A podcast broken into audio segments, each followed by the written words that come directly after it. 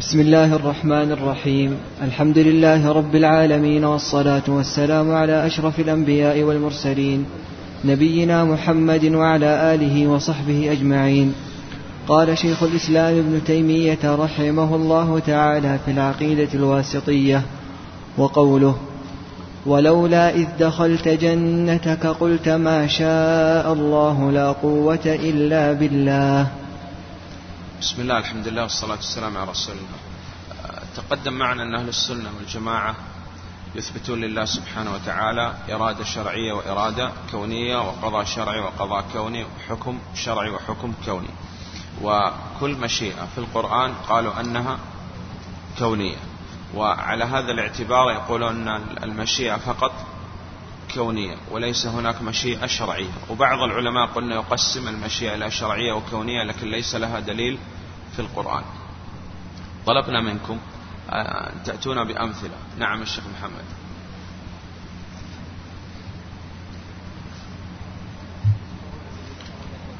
وقضينا إلى بني إسرائيل في الكتاب لتفسدن في الأرض مرتين. هذا قضاء كوني. نعم. هو قوني قدري. نعم لأنه وقع ويكون فيما يحبه الله وفيما لا يحبه. وقضى ربك ألا تعبدوا إلا إياه بالوالدين إحسانا. هذا قضاء شرعي لأنه يحبه الله سبحانه وتعالى وقد يقع من الخلق وقد لا يقع.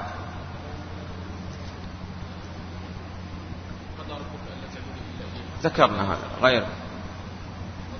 أعطونا إرادة حكم نعم. نعم. ظهر الفساد في البر والبحر. طيب هذا كوني. ذكر هنا في الآيات؟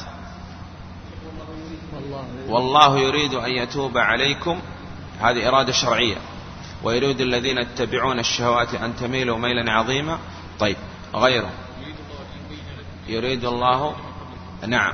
هذه إرادة؟ هذه شرعية. نعم. طيب وغيره. ومن يريد أن يضل هذا سوف يأتينا الآن.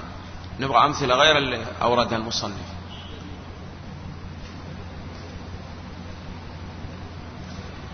طيب. حكم. نعم. ما يريد الله به خيرا يفقهه في الدين. هذا إرادة شرعية. حتى يأذن لي أبي أو يحكم الله لي. حكم كوني. نعم.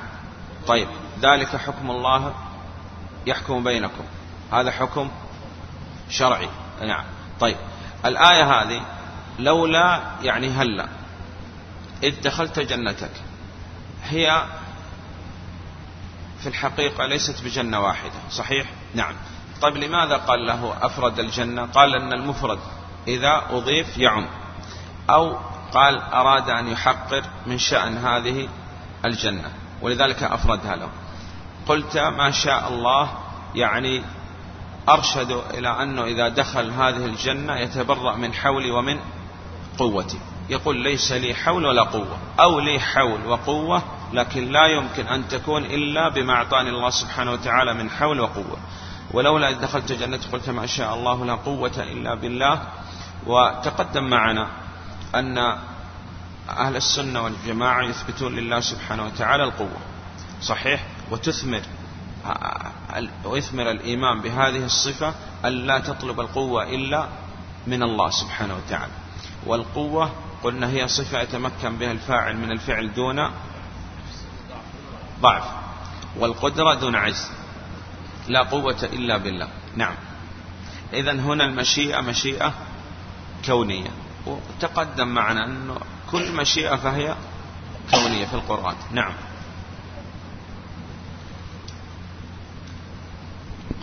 وقوله ولو شاء الله ما اقتتل الذين من بعدهم من بعد ما جاءتهم البينات ولكن اختلفوا ولكن اختلفوا فمنهم من آمن ومنهم من كفر. ولو شاء الله ما اقتتلوا ولكن الله يفعل ما يريد. المشيئة كونية تقدم معنا. يفعل ما يريد هنا كونا أيضا لا شرعا. وتقدم معنا الإرادة الشرعية وكونية وهنا إرادة كونية. نعم لأن القتال لا يحبه الله سبحانه وتعالى في هذه الحال نعم. وقوله أحلت لكم بهيمة الأنعام إلا ما يتلى عليكم غير محل الصيد وأنتم حرم إن الله يحكم ما يريد. أحلت من الذي أحلها لنا؟ يقال الله سبحانه وتعالى أو ما جاء عن النبي صلى الله عليه وسلم لأنه مبلغ عن الله. البهيمة هي التي لا تفصح ولا تتكلم. الأنعام الإبل والبقر والغنم. غير محل الصيد. يعني آه، قال آه، أن الله سبحانه آه، قال أحلت لكم بهيمة الأنعام إلا ما يتلى عليكم إلا ما يتلى عليكم. يعني في هذه السورة مثل أو في غيرها من السور مثل قول, قول الله سبحانه وتعالى حرمت عليكم الميتة. نعم. إلا قال حال كونكم محرمين بحج أو عمرة وأي صيد قال الصيد البري الوحشي المأكول. فهذا هو الصيد المحرم على المحرم سواء كان بحج أو عمرة أو كان داخل حدود الحرم سواء كان حرم مكة أو حرم المدينة. نعم. إن الله يحكم ما يريد شرعا. وهذا فيها حكم وفيها إرادة. وتقدم معنا أن الإرادة شرعية وكونية وهنا شرعية لأنه يحبها الله سبحانه وتعالى وقد تقع من الخلق وقد لا تقع. نعم. وقوله أحلت لكم بهيمة الأنعام إلا ما يتلى عليكم غير محل الصيد وأنتم حرم. إن الله يحكم ما يريد. نعم. وقوله فمن يرد الله أن يهديه يشرح صدره للإسلام. ومن يرد أن يضله يجعل صدره ضيقا حرجا كأنما يصعد في السماء. إثبات الإرادة والإرادة هنا كونية. فمن يريد الله يهديه يشرح صدره للإسلام. وقال أن هذه ثمرة الإيمان بهذه الآية أن دائما لا بد أن الموحد ينشرح صدره للإسلام. ولا يضيق أبدا ولا بد أن يقبل كل ما جاء عن الله سبحانه وتعالى ولا يرد ولا حرف واحد. قال آه، الشيخ بن عثيمين رحمه الله يقول أن الكافر لا تخاطب بشيء في الشريعة تخاطب أولا بالشهادة. قال فإذا نطق بالشهادتين ودخل في الإسلام شرح الله سبحانه وتعالى صدره للأوامر الشرعية كلها لأنه يقول أنه بعض الناس يمنع من دخول الإسلام الختان فقال لا تخاطب لا تختتن لا, لا نخاطب بشيء نريد منك فقط الدخول في الإسلام. وتقدم معنا قول الضحاك بن مزاح عندما جاء إليه نصراني وقال أنه أحب الخمر وأحب الإسلام. قال أسلم واشرب الخمر. ومن يمنعك من شرب الخمر فأسلم عندما أسلم قال الآن أنت مسلم. إن شربت الخمر جلدناك وإن رجعت عن الدين قتلناك. فهذا الأصل. وقال لابد أن الموحد ينشرح صدره للإسلام. مفهوم؟ طيب. ومن يرد أن يضله قال يجعل صدره ضيقا حرجا كأنما يصعد وتقدم معنا أن الزيادة في المبنى تؤدي إلى زيادة في المعنى يعني تكلف الصعود. طيب. وقال هذه حال الكافر المنافق نسأل الله السلامة والعافية. لكن حال الموحد أنه دائما ينشرح لأوامر الشرع. نعم. فقال هذه الثمرة. أن العبد لابد دائما يتلقى أوامر الشريعة بانشراح الصدر. نعم ولا يضيق أبدا. نعم. وقوله وأحسنوا إن الله يحب المحسنين. انتقل المصنف رحمه الله إلى إثبات صفة المحبة والود. قال الشيخ بن عثيمين رحمه الله وليت المصنف رحمه الله أضاف قول الله سبحانه وتعالى واتخذ الله إبراهيم خليلا. حتى يكون بهذا يقول أثبت أنواع المحبة الثابتة لله سبحانه وتعالى صفة المحبة والود والخلة. نعم. فالمحبة على السنة والجماعة يثبتون لله سبحانه وتعالى محبة حقيقية تليق بجلالة عظمته لا تماثل محبة المخلوقين. وأهل السنة والجماعة يثبتون المحبة ويثبتون مقتضى المحبة الثواب كما أنهم يثبتون الغضب ومقتضى الغضب العقاب. قال محبة الله سبحانه وتعالى تكون للعمل وتكون للعامل وسوف يأتي يسرد الأدلة هو رحمه الله تعالى في أن الله سبحانه وتعالى يحب العمل ويحب العامل. من محبة الله سبحانه وتعالى للعامل قال رجل يحب الله ورسوله يحب الله ورسوله. في علي رضي الله عنه صح؟ عامل. وعمل سوف تأتينا الآن. وأيضا أخذنا أنه في هناك محبة لأزمنة وأمكنة يحبها الله سبحانه وتعالى. صحيح؟ أحب البقاع إلى الله المساجد. صحيح؟ نعم. وأزمنة يحبها الله سبحانه وتعالى مثل ليلة القدر والثلث الليل الآخر وغيره. نعم. ثمرة الإيمان بالمحبة أنك أولا قلنا تحب الله ولا تحب أحد مع الله سبحانه وتعالى. ثم تبحث عن الأمور التي يحبها الله سبحانه وتعالى فتحبها من أجل محبة الله سبحانه وتعالى لها. الإحسان ينقسم إلى قسمين إحسان في عبادة الله وإحسان إلى عباد الله. الإحسان في عبادة الله تقدم معنا في حديث جبريل. أن الإحسان ركن واحد وينقسم إلى قسمين. تحت مرتبتان. أعلى مرتبة وأعلى عبادة أن تعبد الله كأنك ترى عبادة رغبة وحب وشوق فيما عند الله. وهذه عبادة الأنبياء والرسل عليهم الصلاة والسلام. ممكن تصل إلى هذه المرتبة؟ قال نعم. وإذا لم تستطع الوصول إلى هذه المرتبة لا يمكن أن تخرج عن المرتبة الثانية. فإن لم تكن تراه فإنه يراك. إذا الإحسان يكون في عبادة الله ويكون إلى عباد الله. والإحسان يقول هناك أمور الإحسان فيها واجب. مثل إذا قتلتم فأحسنوا القتلة. والإحسان أحيانا يكون في أمور مستحب. مثل تبسمك في وجه أخيك صدقة. طيب إذا ما هي ثمرة الإيمان بأن الله سبحانه وتعالى يحب المحسنين؟ قال الإيمان الثمرة أنك تحسن. في عبادة الله وتحسن إلى عباد الله وتتذكر أن بالإحسان تنال محبة الله سبحانه وتعالى. نعم. وأحسنوا إن الله يحب المحسنين. إذا أمر الله سبحانه وتعالى بالإحسان ورغب فيه لماذا؟ قال لأن الله سبحانه وتعالى يحب هذا الذي يحسن في عبادة الله ويحسن إلى عباد الله. نعم. وقوله وأقسطوا إن الله يحب المقسطين. اعدلوا إن الله يحب من كان عادلا. في ماذا يعدل؟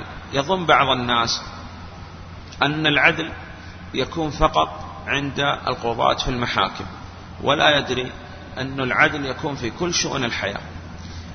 عدل يكون للإنسان مع نفسه وعدل مع زوجه وعدل مع رفيقه ومن يعني يكون معه وعدل مع الأولاد صحيح؟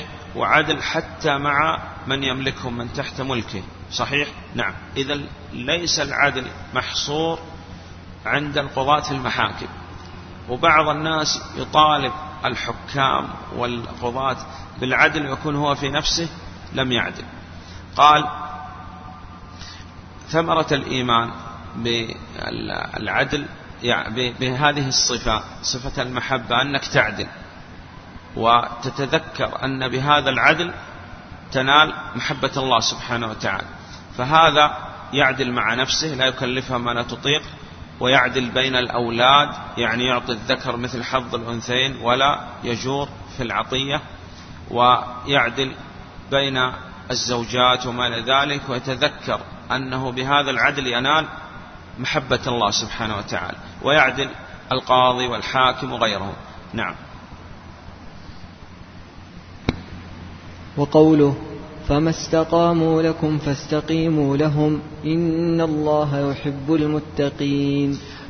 أولا قبل أن نبدأ في شرح هذه الآية ننبه على أمر تقدم معنا أن العهود التي بيننا وبين الكفار تنقسم إلى ثلاثة أقسام. عهد استقام ونستقيم. والدليل هذه الآية. ونتذكر أننا بالاستقامة على هذا العهد ننال محبة الله سبحانه وتعالى. الثاني عهد نقضوه. وإن نكثوا أيمانهم من بعد عهدهم وطعنوا في دينكم فقاتلوا أئمة الكفر إنهم لا إيمان لهم. عهد نقضوه. إذا لا عهد بيننا وبينهم. الثالث عهد بيننا وبينهم لكن نخاف منهم خيانة. فإيش نصنع؟ نقول خذوا العهد. هذا الذي بيننا وبينكم لأننا نخاف منكم خيانة. فلا عهد بين وإما تخافن من قوم خيانة فانبذ إليهم على سواء. نقول خذوا عهدكم لا عهد لأننا نخاف منكم خيانة. إذا العهود التي بيننا وبين الكفار تنقسم إلى ثلاثة أقسام. عهد استقاموا نستقيم. عهد نقضوه هم نقضوه. إذا لا عهد بيننا وبينهم عهد نخاف منهم خيانة نقول خذوا عهدكم لا عهد بيننا وبينكم. وأولى من هذا أنك تذكر هذه الثلاثة بالآيات. فما استقاموا لكم فاستقيموا لهم. وإما تخافن من قوم خيانة فانبذ إليهم على السواء. قالوا وإن نكثوا أيمانا من بعد عهدهم. ثلاثة تنقسم إلى ثلاثة. طيب. العهود التي بيننا وبين الكفار هل تكون إلى أمد أم إلى أبد؟ قال لا يمكن تكون إلى أبد لأن لو جعلناها إلى أبد معنى هذا أن عطلنا فريضة الجهاد. تكون إلى أمد. اختلف العلماء في هذا الأمد. كم يكون؟ على أقوال. منها يقال أن عشر سنين كما صالح النبي صلى الله عليه وسلم كفار مكة ومنها اختيار الشيخ بن عثيمين رحمه الله يقول هذا يرجع إلى رأي السلطان. فإن رأى من المصلحة أن تكون أكثر من عشر فله أن يجعلها على ما أراد. مفهوم؟ والله أعلم. طيب. قال فما استقاموا لكم فاستقيموا لهم. إذا نستقيم على العهد من أجل أن ننال محبة الله سبحانه وتعالى. التقوى قال هي أن تجعل بينك وبين عذاب الله وقاية بفعل الأوامر واجتناب النواهي على علم وبصيرة لا على جهل. نعم. إذا تستقيم وتتقي وتتذكر بهذا أنك تنال محبة الله سبحانه وتعالى. نعم. وقوله إن الله يحب التوابين ويحب المتطهرين. يحب التوابين لكثرة ما يتوب هل معنى هذا أن الإنسان حتى ينال محبة الله يذنب ثم يتوب؟ قال لا. يكثر من التوبة. والنبي صلى الله عليه وسلم كان يستغفر, يستغفر الله سبحانه وتعالى أكثر من سبعين مرة. طيب وكذلك يعني عمل الإنسان لابد يكون دائما فيه نقص. الطهارة قال تنقسم إلى قسمين طهارة حسية وطهارة معنوية. وأعظم الطهارة الطهارة المعنوية لأنه لا يقبل الله سبحانه وتعالى أي عبادة إلا أي نعم بالتوحيد وضده إنما المشركون نجس.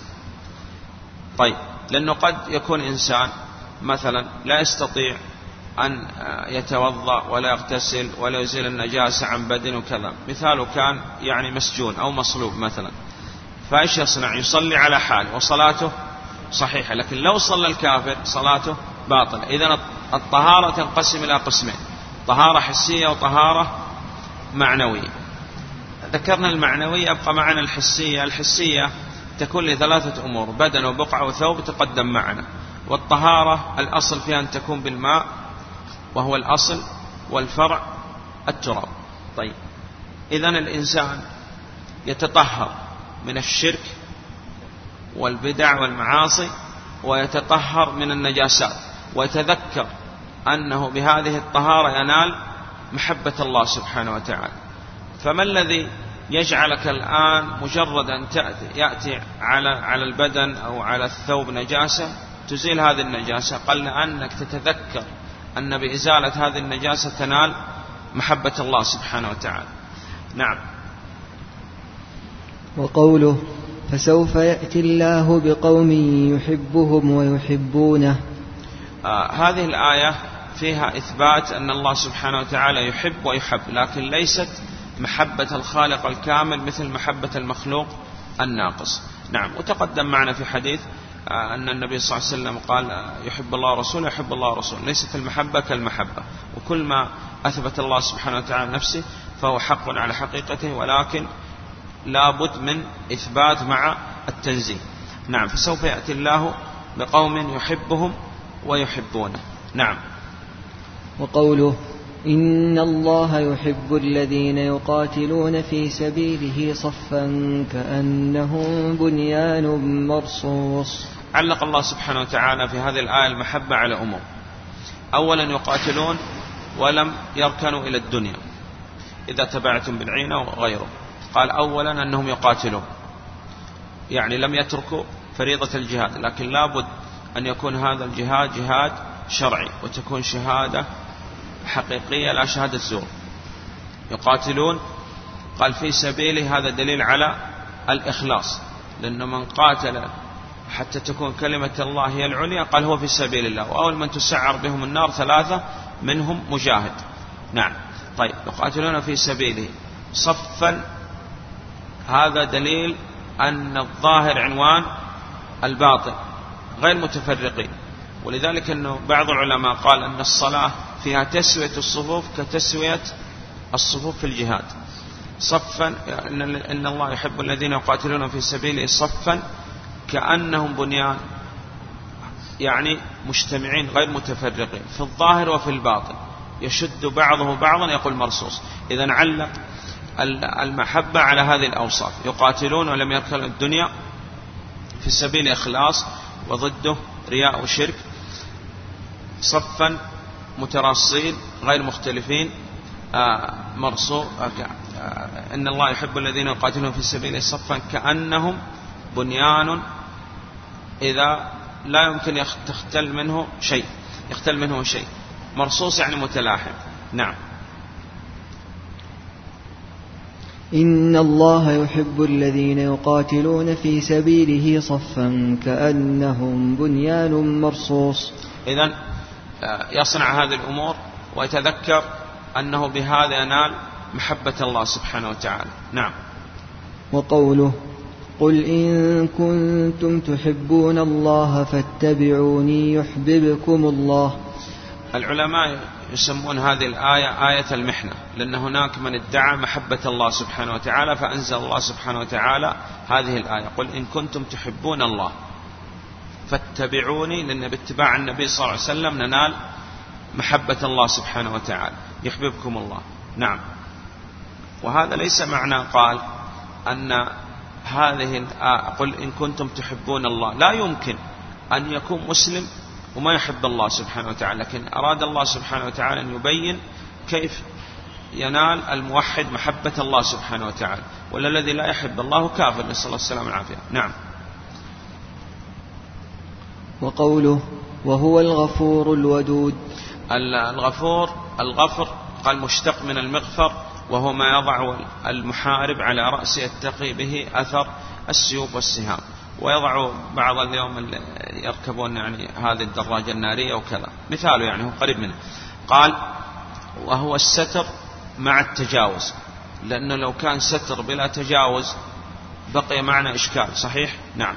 فيقول الله سبحانه وتعالى يوم القيامة آه، سترت عليك في الدنيا وها, وها أنا أغفرها لك في الآخرة. إذا الغفر هو الستر مع التجاوز الساتر لذنوب عباده والمتجاوز عنها. هذا معنى الغفور.